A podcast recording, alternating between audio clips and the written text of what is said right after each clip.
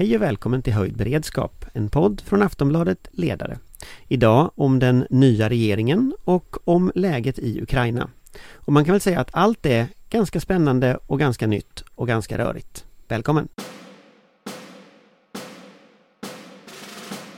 Vår beredskap är god.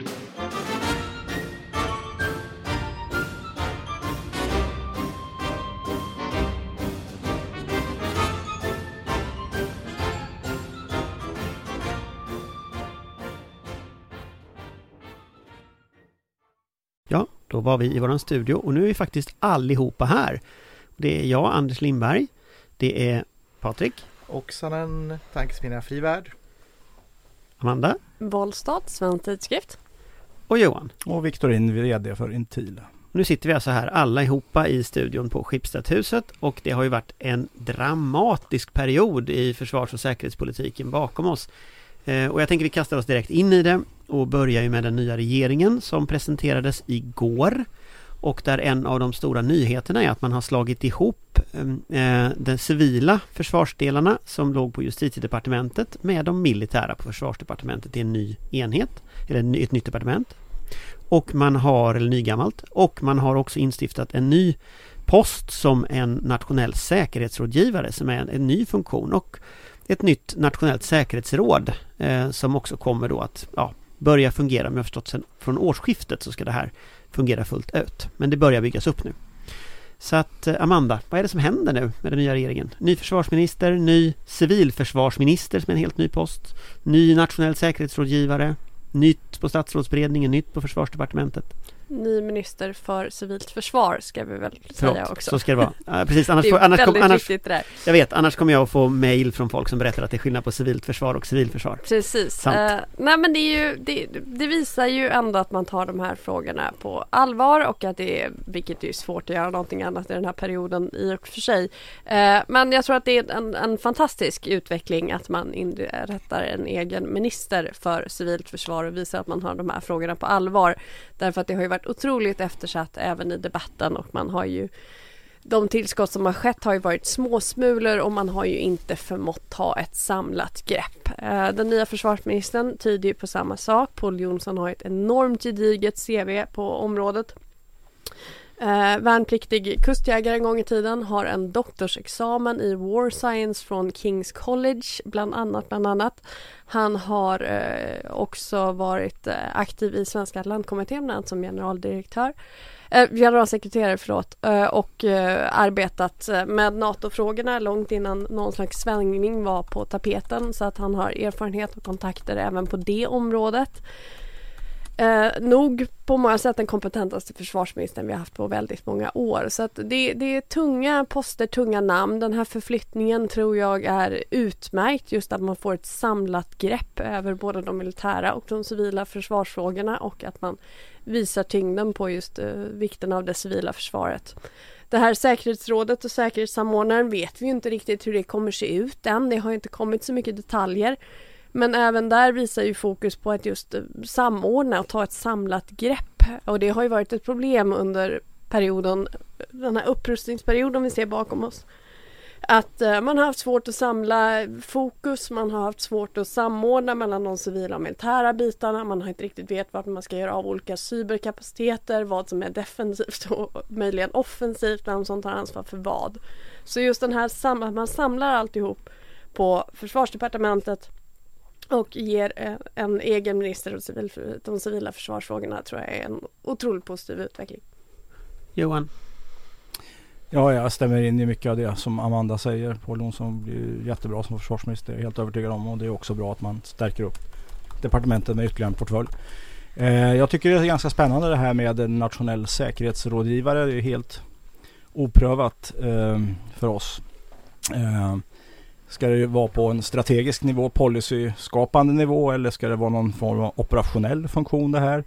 Eh, kommer det finnas en stab som stödjer den nationella säkerhetsrådgivaren? För det är ju inte bara en friseglande person som kan komma omkring och liksom eh, ja, göra bedömningar utan några som helst underlag. Och kom, kommer då liksom resten av strukturen att acceptera det här? Vi sitter ju med ganska starka sektorer.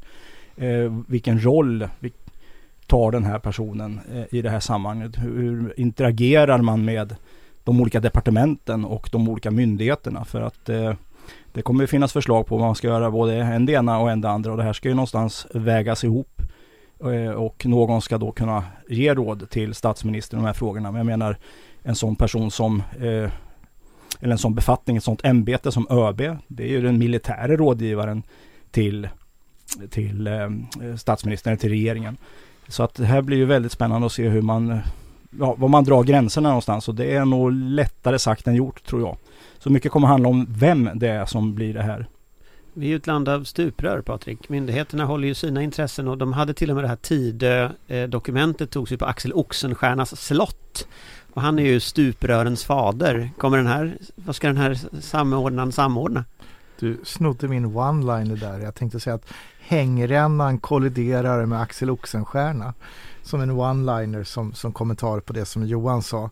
Eh, och det är ju det som, som kommer att bli den, den intressanta delen i det. Jag har ju svårt att se att du har någon verklig glädje och nytta av funktionen nationell säkerhetsrådgivare om du inte också har ett nationellt säkerhetsråd där du tänker att du ska ha det som någon slags fusion med komplexa säkerhetsfrågor där, där du så att säga plockar in berörda myndigheter och, och har nationell säkerhetsrådgivare då som någon slags eh, ordförande och att det ska finnas en viss kapacitet själv i det nationella säkerhetsrådet. Men det är en modell vi inte har provat i Axel Oxenstiernas land. Det, är också en modell där den nationella säkerhetsgivaren skulle samordna ÖB till exempel. Samordna Kommer ÖB. ÖB känna sig manad att bli samordnad Johan? Nej men det, det, det tror jag inte att den här Alltså rådgivaren det... vänta, eh, kommer att eh, ta sig för. Det tror jag absolut Och det tror jag inte heller är meningen. Men det, det, måste ju bestå av tre komponenter här. Det är ju en rådgivare. Sen är det nationella säkerhetsrådet. Om vi tittar på den amerikanska modellen. Där sitter ju ministrarna i, i eh, säkerhetsrådet. Men de har också en stab som bereder underlag eh, åt statsministern då, eller presidenten i det amerikanska fallet. Då. Och har man inte en tillräckligt stor massa i den staben då, då kommer de inte få någon effekt av det där. Därför att då blir ju rådgivaren utan underlag som är genomarbetade. Och då handlar det ju om, rådgivaren ska ju liksom försöka väga samman olika intressen och då blir det intressant att veta Ja, hur brett går det här mandatet? Ja, men försvarsfrågor, absolut. Utrikesfrågor, absolut. Energi, ja, troligen. Ekonomi, ja, borde kanske vara om man tittar på den amerikanska modellen. Och då ser ni ju själva att det blir liksom det blir ett väldigt stort område och sen är det ju frågan då, ska det vara en advokat för statsministern eller ska det vara någon som försöker liksom verkligen liksom lägga de bästa råden för hela. Det blir väl att liksom skapa handlingsfrihet och liksom hela tiden påminna statsministern och regeringen om att vi måste skapa oss handlingsfrihet i de här lösningarna så man inte far iväg i någon riktning som vi har kunnat se i svensk utrikespolitik. Framförallt för det är där de får sina tydligaste uttryck att man far iväg i olika linjer så. Utan att det kanske blir lite mer i bästa fall då eh, sammanvägt och en klarare linje från hela regeringen. Och jag tänker att det här handlar ju om de frågor där du inte har en ensam tydlig ägare. Eh, du, liksom, är det rent militära frågor då är det ju ÖB. Men här handlar det om när du har många fler så att säga spelare i staten inblandade. Alltså, när, jag, när jag tänker på den här lösningen, jag, jag måste säga att jag, jag, tycker också att den här lösningen är intressant. Eh, alltså både det civilt militära är ju någonting som allt mer både hänger ihop och, och, och liksom genomsyrar alla möjliga saker. Jag ser gråzonen, alltså gråzonen är ju väldigt ofta där inte en myndighet är ansvarig. Eh, och, och, det gör ju naturligtvis att det blir en intressant fråga hur, hur man ska hantera liksom det här nya departementet. Men sen tror jag ju att, att eh, jag tycker erfarenheten är ganska dålig när vi har försökt förändra. Jag tänker på Gottsam i början av 2000-talet när man försökte systematisera ett förändringsarbete. Det lades ner av regeringen Reinfeldt. Eh, vi ser den här förra regeringen Reinfeldt försökte systematisera och integrera säkerhetsarbetet på statsrådsberedningen. Det lades ner av Löfven och tryckte tillbaka frågorna till de departement de hade varit på.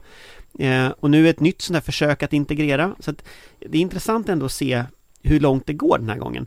För om man tänker, om man ska ta ett hypotetiskt exempel nu när, när vi ska prata om detta. Anta att eh, någon främmande makt spränger en gasledning i Östersjön. Fast inte i, i dåtid utan i framtid, om tre månader. Hur tänker ni er att den här nationella säkerhetsrådgivarens funktion skulle se ut i relation till en sån sak? Uh, Vi kan, nu tittar ni på mig som frågetecken, men det är ju den typen av sak som skulle kunna hända som man kommer att få hantera. Vi börjar med Amanda. Det är ju väldigt svårt att säga med tanke på att vi vet enormt lite om vad det här är tänkt att vara för en funktion. Det man skulle kunna tänka sig är väl just en samordnande roll mellan de departement som berörs. Eh, att någon har en samordnande fråga. Men som sagt, man går ju ändå inte över någon så det är ju ändå svårt att utkräva reaktioner eller svar. Så att Nej, det kommer bli en svår nöt att knäcka. Men eh, när det gäller just energifrågorna inte minst så har det varit en hel diskussion om, om vem som är ansvarig för att garantera säkerheten kring allt från ställverk till större anläggningar och så vidare. Um, och där, där finns det ju mycket att samordna men som sagt vem, vem gör det och med vilket mandat? Patrik? Det som jag tänker i en sån situation som du beskriver så, så handlar det om att eh, eh samla de berörda myndigheterna och departementen runt bordet, dela lägesbild eh, och göra en, en sammanvägd rekommendation till, till statsministern, till regeringen i den processen. Nej, jag tror inte på det överhuvudtaget. Jag tror det är farligt att låta den här befattningen bli en operationell funktion.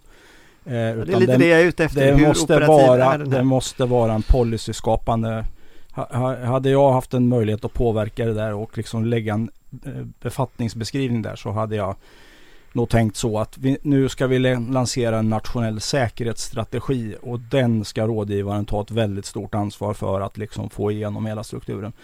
Eh, vi kan ju bara ta, om vi tar det här exemplet som du kom med konkret. Jag menar, det finns ju en svensk lag. Där finns det ju liksom en eh, det finns ju en åklagare som måste förhålla sig till lagen om en ekonomisk zon och, och saker och ting som sker på, vid anläggningar i den som vi måste betrakta som territorialvatten. Det är ju ingenting som en, en säkerhetsrådgivare operationellt kan gå in och säga att det får inte du göra för det är inte bra för vår utrikespolitik. Det alltså, vi ska inte vara inne i de grejerna, det tror jag inte alls på.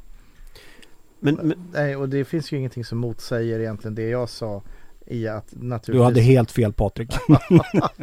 Därför att det är ju som så att vi har ju lagar, regler och, och oberoende rättsväsende och så vidare och så vidare. Och det rullar ju på. Mm. Utan här är ju mer så här konsekvenser som man ser i, i Men jag samhället. tyckte faktiskt att jag såg det. Jag såg Carl Bildt var ute då eh, att vi borde inte ta åt oss den här typen av utredning. Det var han väldigt tidigt ute med offentligt och sa att det här ska inte Sverige ta, ta sig för och utreda detta. Då var det utifrån ett perspektiv. Eh, och det blir liksom inte riktigt bra om du går in och eh, överprövar vad myndigheterna har i uppdrag att göra sånt på den operativa nivån. Utan här gäller det liksom att få lite höjd på den här befattningen tror jag. Det är ju liksom min poäng. Jag tillhör ju de som har försökt skrota ansvarsprincipen ett antal gånger. Så, att, så jag tycker ju att det finns en poäng i att regeringen samordnar. Det var lite därför jag ställde frågan. Därför att, därför att som, som det händer med en sån situation, som ju är en typisk gråzonsproblematik. Det är ett informations... Eh, en situation där man inte riktigt vet vad som har hänt. Där Ryssland då dementerar att det är dem naturligtvis, vilket naturligtvis det är Ryssland, men all, man kan inte bevisa det. Och så hamnar man i en sån här situation där, där Ryssland kräver att få delta i en utredning och det blir sån här pingpong pingpongmatch egentligen där statsministern ska svara på det här. Och nu ärver ju eh, eh, Kristersson precis den här situationen som, som, eh, som var. Men om det hade hänt i framtiden och de här funktionerna hade funnits så undrar jag om inte det hade blivit ganska mycket exakt som det var förra gången. Så att, så att ja, och det här är liksom lite min, min, mitt frågetecken kring den här modellen. Vad kommer det här att förändra? Jag tycker det är en intressant idé. Jag skulle gärna se att man samordnar mer. Men jag har lite, alltså, ja, jag tänker att det är någonting vi inte pratar så mycket om eh, så att man behöver reda ut det. I slutändan landar allting på axlarna av en trygg officer från Kustbevakningen. Ja, I praktiken så gör det ju det. Nej men i praktik, det gör ju rätt i det. I praktiken så är det ju faktiskt någonstans någon annanstans som en sån sak avgörs. Eh, så är det ju. Eh, men jag tänkte på om man tar den andra delen av det här. Det här är ju organisatoriska delen. Om man tar Paul Jonsson Paul Jonsson har ju själv varit med i podden här innan och det är ju en person som vi har haft en hel del kontakt med. Men om ni skulle liksom skissa på vad som han står inför nu. Eh, han kommer in mitt i en förändringsprocess. Eh, men ändå, vi vet inte vad som händer överhuvudtaget. Så förändringsprocessen har börjat men det säkerhetspolitiska läget är totalt osäkert. Eh, om man liksom, vad är det, vad står högst upp på hans dagordning när han går upp i bitti och liksom knäcker sitt frukostägg. Ja, vi kan ju prata om vad som borde stå högst upp på hans dagordning men först vill jag betona kontinuiteten. Eh, för det tycker jag är viktigt. med Paul Jonsson blir det kontinuitet. Han har varit eh, central eh, person de senaste åren genom sitt arbete i försvarsberedningen, genom ordförande i försvarsutskottet. Eh, han var med och förhandlade fram den senaste uppgörelsen Eh, i våras när alla partier, en historiskt tillfälle, alla partier är överens om att ge extra anslag till Försvarsmakten i en vårändringsbudget och alla partier är överens om att nå målet 2% av BNP. Eh, så jag vill där betona kontinuiteten. Eh, och vi får också en väldigt stark kontinuitet genom att ordföranden i försvarsutskottet blir Peter Hultqvist. Så att du har minister och ordförande i utskottet byter plats. Eh, och det tycker jag är signifikant att betona i denna allvarstid att vi har kontinuitet, vi har stabilitet på de posterna. Eh, sen har ju Paul Jonsson jättemycket att göra, men det hade Peter Hultqvist också. Vad står högst upp på Paul Jonssons dagordning när han knäcker sitt frukostägg, Amanda? Personalfrågan. Eh, det, den stora omedelbara frågan för försvarsministern just nu det är att eh, de förändringarna som sker faktiskt kan genomföras. Att man faktiskt förmår plocka de här lägre hängande frukterna. Det har ju pratats väldigt mycket om bristande utrustning till exempel, inte minst inom specialförbanden. Vi har ju har pågående situationen med stridspiloterna som tar tjänstledigt och lämnar sina tjänster. Vi har, och det är ju bara toppen på ett isberg, det finns ju betydligt större problematik med slutkörd personal och personal som är på väg att lämna på många andra platser som kanske inte riktigt syns och hörs lika mycket. Och det är ett jätteproblem. Uh, vi har personalbrist inom försvaret. Den kommer att bli ännu större när vi ska börja tillsätta NATO-staber. Vi har brister egentligen genom hela systemet. Uh, många jobbar otroligt hårt, uh, alldeles för hårt, har gjort väldigt länge. Besättningarna inom flottan är utslitna, de är ute alldeles för länge. De som utbildar värnpliktiga lägger alldeles för mycket av sin fritid på att kunna skapa liksom, tillräckligt bra utbildningar för de som gör. Eh, man måste se till att, den här, att, att arbetssituationen för Försvarsmakten blir hållbar. Att det går att behålla personal. Att de här förändringarna kommer kunna genomföras utan att slita ut på personalen på vägen. För man har inte, man har inte råd att förlora fler. Och att lönerna är konkurrenskraftiga och inte blir utkonkurrerade av andra statliga myndigheter eller kommuner eller näringslivet. Jag tänker Johan har ju lite koll på, på läget här. Vad, vad står högst upp på, det här, på den här dagordningen? Ja, jag behöver inte tillägga någonting till det som Amanda sa. Hon är to the point på de där Men sakerna. hur ska man få till exempel överstelöjtnanter som har rymt tillbaka till Försvarsmakten? Ja, det blir nog väldigt svårt. Utan eh, det, man måste sätta fokus på, man har haft ett ganska stort fokus på att rekrytera men man får nog vända lite grann på det där och ta att eh, behålla den personal man har precis som Amanda är inne på. Det måste stoppa eh, vissa blödningar här omedelbart. Det är det första han, jag tror inte ens, inte ens hinner knäcka frukostägget innan han börjar tänka på de sakerna. Men sen är det ju andra saker förstås då. Det är väl måste välja någon slags tyngdpunkt. Vi ska med i NATO, eh, men finns det något regionalt samarbete eller relationen till Finland? Vad ska de prioritera där? Eh, skulle kunna tänka mig att det blir JEF faktiskt, eh, Joint Expeditionary Force under brittisk ledning. Att det är en tillräckligt stor body med många NATO-länder i då, då Finland är med där också. Så att det är väl en lagom, man måste liksom kunna hantera saker och ting som sker i morgon eller i övermorgon. Det är ju ett ganska illavarslande läge just nu faktiskt. Vi ska ju komma ihåg att Jeff eh, blev ju aktiverat i, i, med konsultationer och så efter sprängningen Nord Stream. Mm. Om man, om man, tar det som ett exempel, för det är Jeff är ganska bra, det är ju här och nu i väldigt hög utsträckning mm. och idag enligt den informationen som kom eh, alldeles nyss här så har ju Putin infört krigslagar i de ockuperade områdena. Eh, och, och, det är ju en del av en form av rysk uppbyggnad vi ser nu. Eh, mer eller mindre kvalitet i den uppbyggnaden men det är ändå en ambition som vi ser. Eh, hur kommer Sverige att kunna hantera detta? Jag noterade i, i försvars... Eh, I regeringsdeklarationen igår så pratade Ulf Kristersson om avancerade vapensystem och, och Betyder det att vi kommer att ge Archer nu till, till Ukraina? Eller liksom vad, hur kommer vi att hantera den här situationen? Vad tror ni? Nu gissar ju ni bara naturligtvis liksom. Här. Vi skulle ha skickat luftvärn sa jag ju förra gången. Jo men jag tänker på vad tror du händer nu? Det, han, han pratade inte om luftvärn igår Nej, i alla fall. Här är ju frågan då, alltså här kan man ju tänka sig eh, nu, det blir ett hypotetiskt resonemang. Mycket hypotetiskt. Försvarsmakten har ju fått ett uppdrag att till den 25 oktober vill jag minnas att det var eh, svara på frågan vad kan vi avstå till Ukraina. Jag tycker att det är ganska lång tid. Jag förstår att man måste bereda de här sakerna men å andra sidan borde man ju ha en ganska bra uppfattning om eh, sin eh, status och, och vad, vad det får för konsekvenser för man borde ha inviterat och eh, planerat i detta. Eh, men ponera då att eh, Försvarsmakten säger nej det kan inte vi avstå. Eh, och det kan man ju då om man tittar på Försvarsmakten i sig självt och kanske komma fram till. Det kan ju vara fullt rimligt. Men så har du någon annan aktör då, exempelvis Utrikesdepartementet, som säger att det är otroligt viktigt att vi skickar Archer eller luftvärnssystem eller både och till Ukraina. Och så får man den här situationen och då träder då kanske eh, rådgivaren in och sen så säger, så säger eh, statsministern, hörde du Henrik, va, va, hur, ska, hur, ska jag, Hypotetiskt säger statsministern Henrik. hur ska jag ställa mig i den här? De bråkar ju som tusan i det här. Vad är bäst för oss på lång sikt? Kanske inte att eh, lösa ut någon tvist i samordningen som man, har, som man gjorde i förrgår. Utan då vad, vad betyder det här egentligen? För att jag menar om vi har fått förs- försvarsförsäkringar från NATO då måste de ju vara värda någonting. Alltså jag tror ju på dem. Eh, att har, har de sagt att de kommer att eh, liksom stå upp för vår territoriella integritet från amerikansk sida, från brittisk sida etc. Då, då gäller ju det. Det måste ju vara det man opererar under. Inte bara vad som händer inne i Försvarsmakten. Så att eh, jag tror att man kommer att eh, skicka eh, vapensystem, kvalificerade Så det vapensystem. korta svaret är ja. Fast du det säger inte att det är Archer nödvändigtvis. Nej, han... Det, han, han, han kör ett politikersvar Det var politikersvaret. Amanda, vad tror du liksom? Vad kommer nästa steg för Sverige att vara under denna nya regering? För det här är ju nästa steg Men stöd till Ukraina. i stöd till Ukraina. Man kommer ju absolut vilja gå ut väldigt hårt och tydligt eh, tror jag. Jag har inget egentligt svar i Archie-frågan därför att som sagt det beror på så många parametrar. Men någonting, någonting symboliskt kommer man behöva göra och jag skulle också tro att vi kommer se en hel del besök eh, och annat, eh, alltså solidaritetshandlingar, det lilla. Därför att man har haft ett ganska högt tonläge.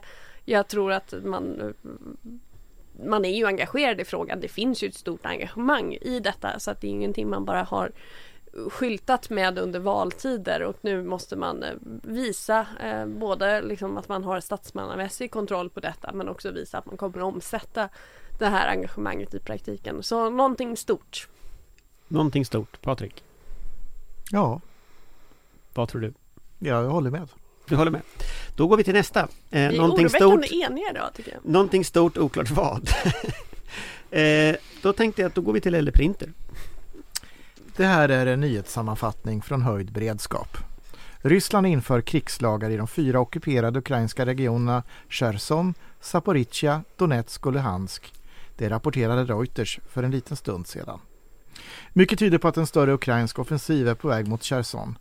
Ukrainska försvarsmakten och myndigheter har gått ner i tyst läge samtidigt som ockupanterna med marionettregimens företrädare uppmanar befolkningen att fly. I en telegramkanal säger Quislingen Killer Stremosov att i en mycket nära framtid kommer Ukraina att försöka befria staden. Ta mina ord på allvar, jag talar om att evakuera så fort som möjligt. Uppmaningen gäller då särskilt de på västra sidan av Dnepr från den ryska ockupationsmakten. Även den nya ryske befälhavaren Surovikin medger motgångar och pratar om evakuering av civila i Cherson. Det, med den nya befälhavaren så har också en delvis förändrad rysk taktik noterats. Med hjälp av raketer och iranska drönare attackeras infrastruktur, särskilt energiförsörjningen. Ukrainska myndigheter uppger att på tisdagen saknade 1100 samhällen ström. President Zelensky i Ukraina konstaterar i ett uttalande citat Ryssland fortsätter att göra det de är bäst på. Terrorisera och döda civila. Slutcitat. Attackvågen har kommit efter explosionen på den olagligt byggda Kertjbron som förbinder det illegalt annekterade Krim och det ryska fastlandet. Genom explosionen har bron skadats allvarligt och det anses skada Rysslands möjlighet att försörja Chersonfronten. Underrättelsekällor pekar dock ut att anfallsvågen med robotar och drönare har planerats tidigare före sprängningen. I Kina har det kinesiska kommunistpartiet bekräftat att Xi Jinping blir diktaturens ledare för ännu en femårsperiod. I sitt tal vid partikongressen betonade Xi Jinping en fortsatt aggressiv och expansionistisk utrikespolitik. Andra länder varnas för att lägga sig i internationella dispyter som Kina anser är interna frågor. Dessutom hyllades krossandet av ett land, två system-uppgörelsen i Hongkong och förstörandet av demokratiska fri och rättigheter i den tidigare brittiska kolonin. Taiwan fick en högre placering än i tidigare tal där Kinas rätt att med våldets makt krossa demokratin i, Kina, i Taiwan och föra landet in under Kina betonades. I Storbritannien släpades i söndags en fredlig demonstrant från Hongkong in bakom grindarna på generalkonsulatet i Manchester och misshandlades. Polis fick gå in och rädda mannen. Bland de som deltog i misshandeln återfanns generalkonsuln Cheng Chi-Wan själv. Flera brittiska parlamentariker kräver nu att regeringen ska förklara generalkonsuln persona non grata, icke önskvärd i landet. Utredningen om sabotaget mot Nord Stream går vidare. Dock visar Ryssland ett missnöje med att inte få vara med och en del av utredningarna. Kremls talesperson Peskov säger att utredningarna görs för att peka ut Ryssland som skyldigt. Det är inte så konstigt eftersom Ryssland är huvudmisstänkt och den enda aktören som har något att vinna på sprängningarna. Särskilt eftersom det råkar vara som så att ett rör från Nord Stream 2 som stoppades i Tyskland är intakt. I Norge har ryska medborgare gripits efter att ha flugit drönare både på fastlandet och på Svalbard. Det är förbjudet för ryska medborgare att flyga drönare i Norge och senaste tiden har gjorts flera observationer av drönare över flygplatser och energianläggningar. Och här hemma i Sverige har statsminister Ulf Kristersson hållit sin regeringsförklaring och presenterat sin ministerlista. I regeringsförklaringen betonas vikten av NATO-medlemskap och att arbetet mot detta sker fortsatt brett tillsammans med oppositionspartierna. Utrikesminister blir Tobias Billström, tidigare gruppledare och migrationsminister. Ny kabinettssekreterare hämtas från ambassaden i Bern och blir ambassadör Jan Knutsson. Jessica Rosvall blir ny EU-minister i statsrådsberedningen. Statssekreterare blir Christian Danielsson, fram tills nu EU-kommissionens chef i Stockholm. Försvarsminister blir Paul Jonsson, tidigare ordförande i försvarsutskottet. Han får en ny minister vid sin sida då regeringen inrättar en minister för civilt försvar. Den posten går till Carl Oskar Bolin, tidigare energipolitisk talesperson. Myndigheter som har civilt försvar på sin agenda flyttar därför från justitiedepartementet till försvarsdepartementet. Statssekreterare på försvarsdepartementet är ännu inte tillsatta. Samtliga ovan nämnda ministrar tillhör Moderaterna. Den nya regeringen överger dock ett vallöfte från i våras. 2% av BNP till det militära försvaret ska inte längre nås 2025 utan först 2026. Försvarsmakten har tidigare sagt att man kan härbärgera 2% först 2028. Du har lyssnat på en nyhetssammanfattning från Höjd beredskap. Bra Patrik! Eh, om vi det var Lelle Printer. Det var Lelle Printer med de senaste nyheterna, eller vad det brukar vara. Jag tänkte vi plockar upp Ukraina där för att det är Ukraina vi kanske inte har pratat så mycket med. Eh, rent militärt Johan, eh, du som tittar lite på marken vad som händer. Alltså vad, hur skulle du bedöma att det ser ut framöver nu med, med både Ryssland och Ukrainas ambitioner? För nu verkar det ju börja smälla rejält. Ja, det var ju en intervju här under gårdagen med generalen Surovkin. Det är ju lite fascinerande att man då först nu har en vad man kallar för en overall theater commander.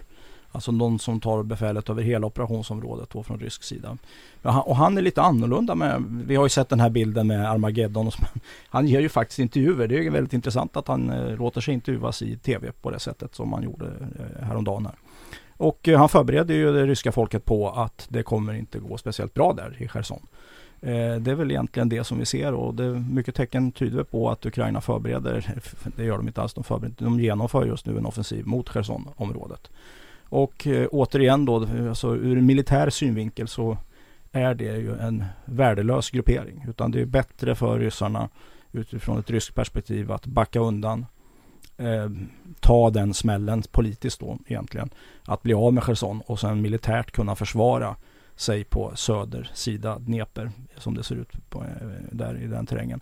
Eh, alltså Dnepr är så stor så att det är ju som att genomföra en amfibieoperation om man ska gå över den från Ukrains sida. Det gör man inte liksom i första taget. Så att då, det skulle kunna vara ett sätt för ryssarna att frigöra trupper från den, det frontavsnittet så att säga och föra ner det till sydöstra Ukraina för att eh, kunna hålla emot då i Donetsk och Luhansk istället. Men, men, betyder det att, att vi är tillbaka på någon slags grund säga, grundidé från Ryssland om att ta ända kustremsan fram till Krim och, och liksom strunta i resten. Att det, man liksom ger upp den här ambitionen av att kontrollera större delen av, av Ukraina. Eller är det här liksom en andningspaus som du tolkade till att man ska återta ambitionen och liksom gå mot Ja de kommer ju, alltså nu har vi ju Deras modus operandi det är ju alltid att satsa dubbelt så mycket Men de behöver ju ackumulera styrka på något sätt. De har sin mobilisering, de måste liksom gå runt sanktioner, de måste producera vapen eller framförallt importera vapen nu då som det är.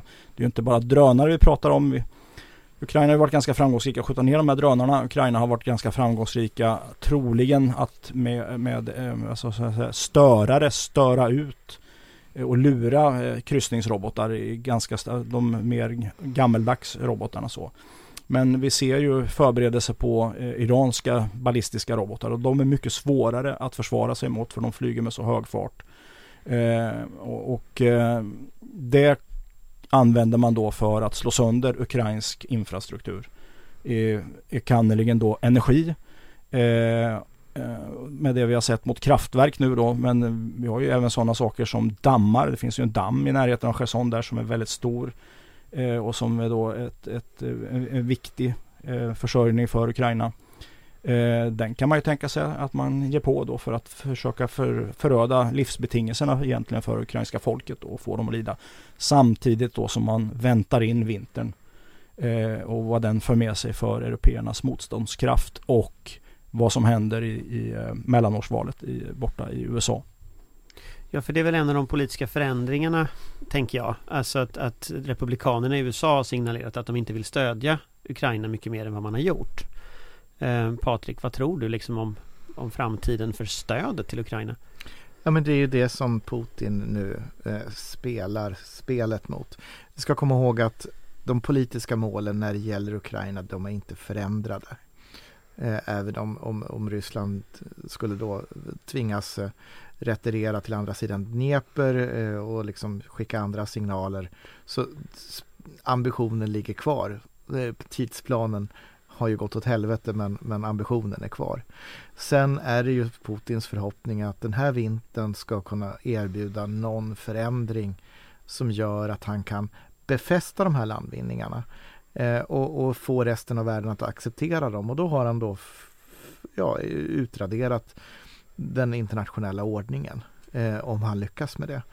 Och eh, han hoppas på Republikanerna i USA och att den delen av Republikanerna ska få överhand och, och liksom få med sig resten av partiet. Det blir avgörande hur senaten ser ut. Eh, just nu så är det senaste jag såg sammanräkningen på den amerikanska senaten så är det 52 republikaner, och 48 demokrater i, i, i projections, i, i, i liksom förhandsgissningar.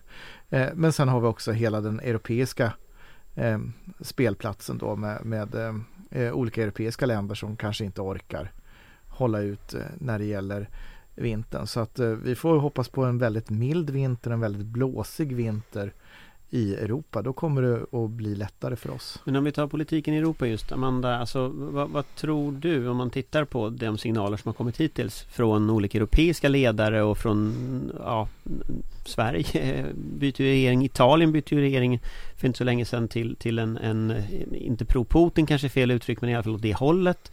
Berlusconi ingår i underlaget som är klar, klart pro-Putin.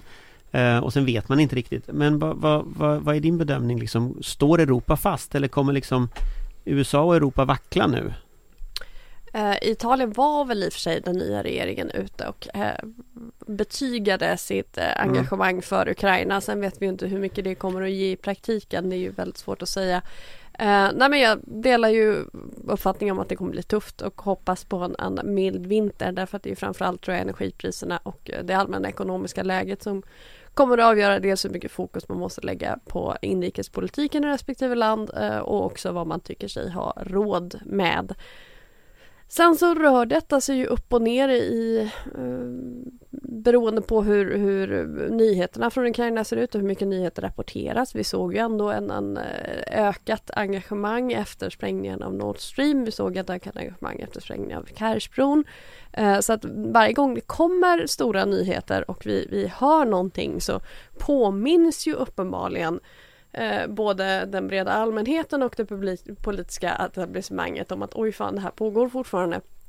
Eh, så att det kommer nog svaja, det kommer nog gå upp och ner. Eh, vi får väl hoppas att Ryssland fortsätter skjuta sig själva i foten i den meningen att de fortsätter dra uppmärksamhet till sig och de vidrigheter de, de genomför på ukrainsk mark eh, för att hålla stödet vid liv, även om vi naturligtvis hoppas att det inte ska bli några fler vidrigheter. Eh, det kommer svaja. Eh, de goda krafterna kommer behöva försöka hålla trycket uppe och påminna. Eh, och så som sagt får vi hoppas på en blåsig vinter. Men, men att hoppas på vädret känns ju lite tufft. Om man tänker politiska åtgärder. Vad kan göras för att samla upp ett stöd kring, kring Ukraina? Om du skulle titta på det politiska liksom. Vad kan göras för att förändra den, den det handlar ju om att man måste ha ledartröja och där är ju de politiska turerna i Storbritannien ett stort problem för de har ju varit väldigt tydliga och ledande i detta eh, tidigare under eh, Johnson även om han hade många andra problem. Och eh, det skämtades ju också ett tag om att Ukraina hoppades på en ny skandal i Storbritannien för då kom Johnson till Kiev och skickade mer pengar för att avleda uppmärksamhet. Eh, så att, att eh, får, får britterna någon ordning på sig själva så tror jag att det kommer underlätta vi, vi, behöver en ledare i den här frågan helt enkelt tror jag. Vi behöver någon som kan samla de här frågorna. Just nu har USA och Storbritannien andra inrikespolitiska problem. De har inte riktigt förmågan att ta ledartröjan. Frankrike har ju varit opolitligt i princip hela tiden även om de har skärpt sig nu. Där finns ju faktiskt potential för Macron att ta ledartröjan eh, och, och ta den roll han så gärna vill ha i Europa. Eh, Tyskland är ju extremt opolitligt i de här frågorna, inte minst på grund av energipolitiken. Ehm, så ja, frågan är vem som, vem som tar klivet upp. Det, det finns ju också möjligheter att man ju utökar det politiska samarbetet inom Norden och där arbetar som en samlande drivande kraft att vi hakar på Baltikum till exempel och eh, driver frågan både i NATO och EU. Men eh, det skulle behövas någon att samlas kring.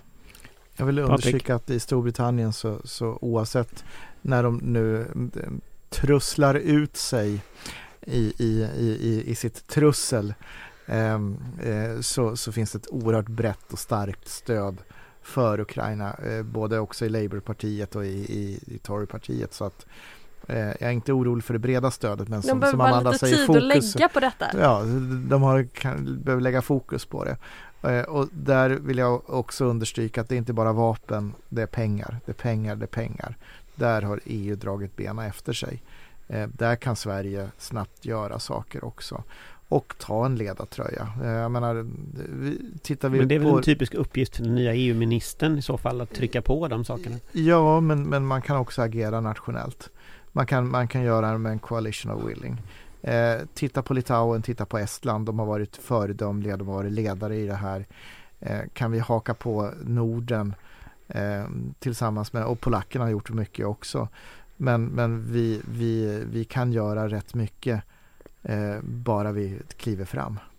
Johan? Och sen amerikanerna får vi inte glömma bort. Amerikanerna har gjort mest. Eh, Absolut mest. Men sen eh, om man liksom då tittar på så det blir ju lite vi är ju lite så här ja, svenska och europeiska då i vårt betraktelsesätt.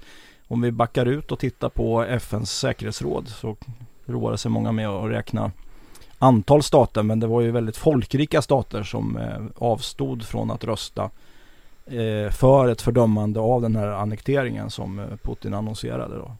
Både Kina och Indien, Vietnam med flera. Iran dök inte upp, ens upp till omröstningen.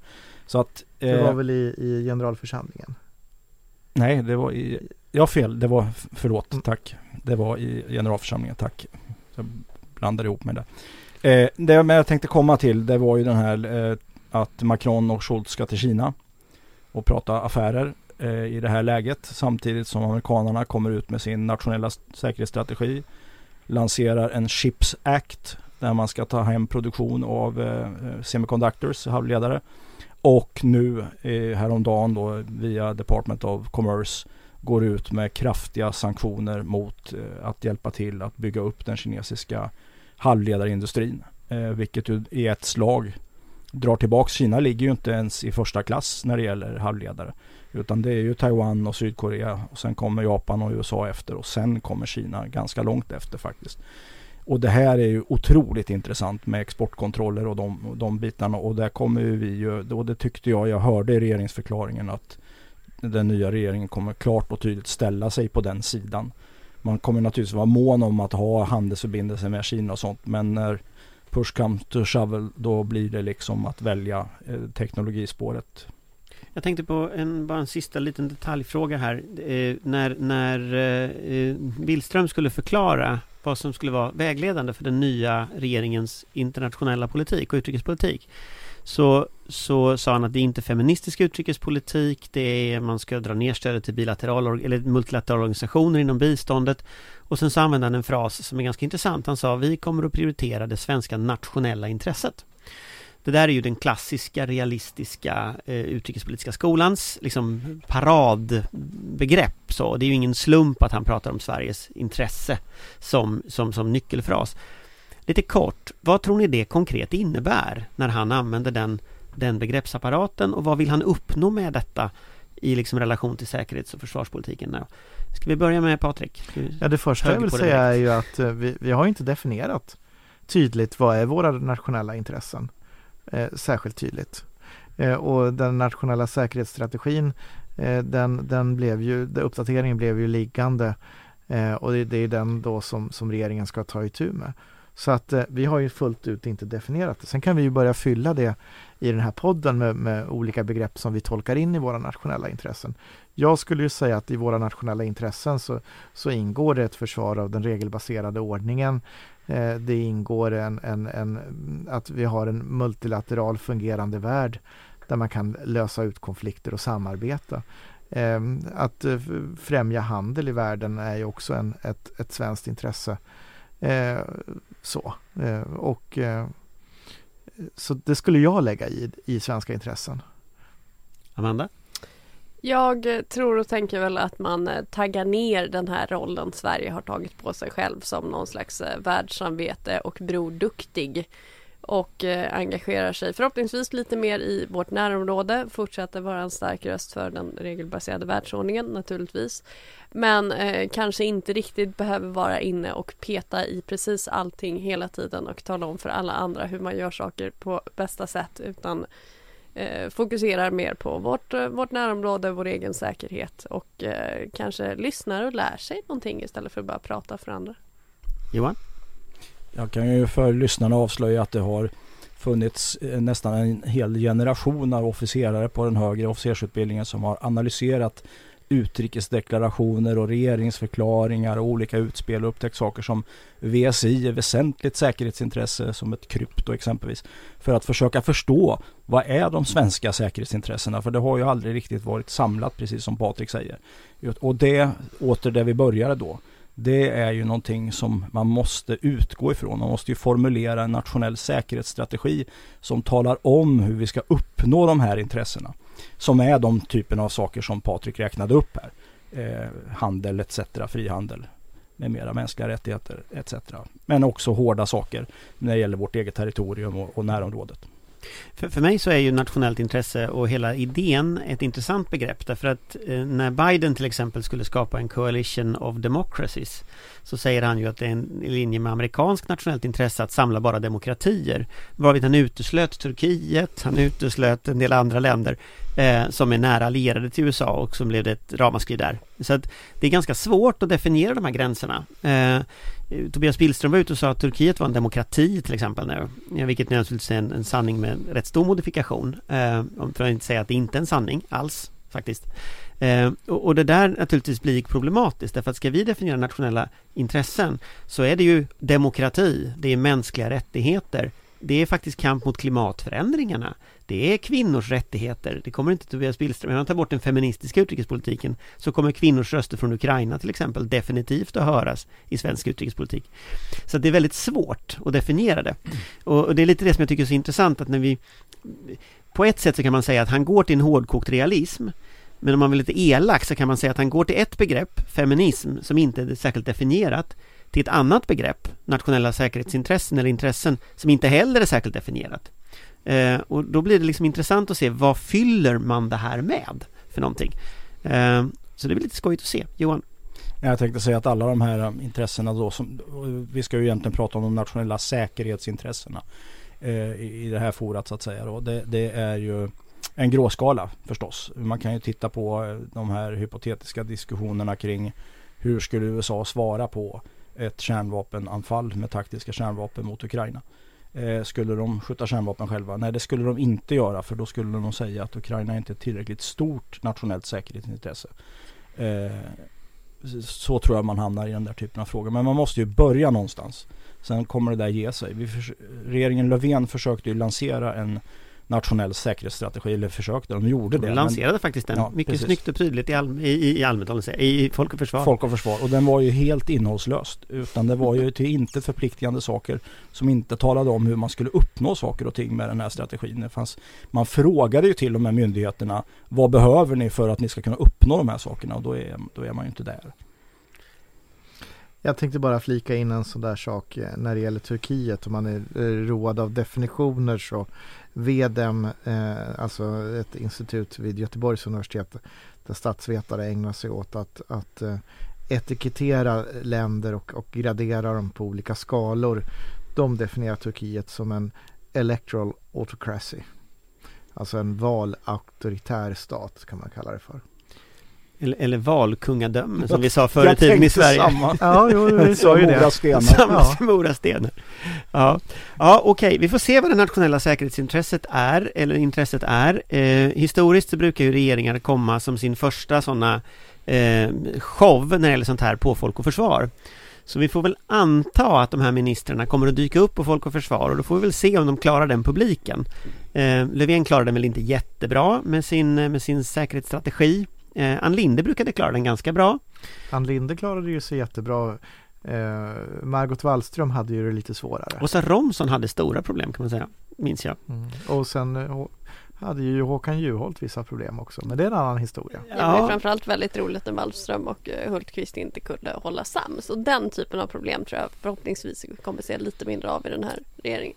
Sen hade vi en Vi får väl icke se. oförglömlig eh, före detta moderatledare som 2014 hade stora problem på den konferensen. Han hade mycket stora problem, kommer jag ihåg. Han hade också en försvarsminister som skönmålade Ryssland något så in i vassen, kommer jag ihåg, eh, de år, åren runt där, innan invasionen eh, Ja, det var framförallt eh, beredningens ordförande.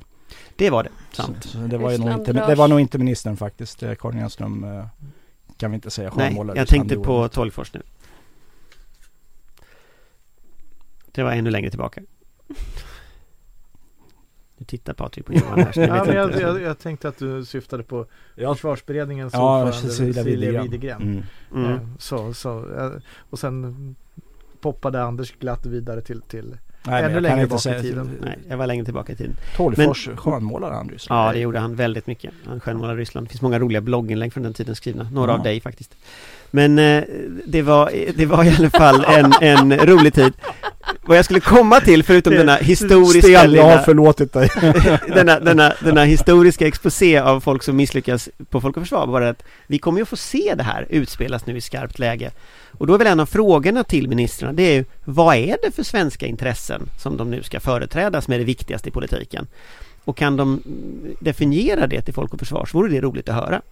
Det är väl en, ett önskemål. Det är som väl vi ett kan bra önskemål som vi kan skicka Eh, med. och ni som har lyssnat nu, ni, ni såg ju inte Johans min. Det, det, det var ju därför vi skrattade. Den var obetalbar. Jag kan inte ens beskriva den, men den var fantastisk. Nej.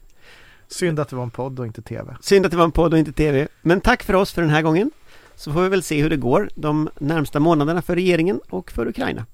Tack för oss. Hej hej! Tack och hej! Tack. Tack och hej. En podcast från Aftonbladet Ledare.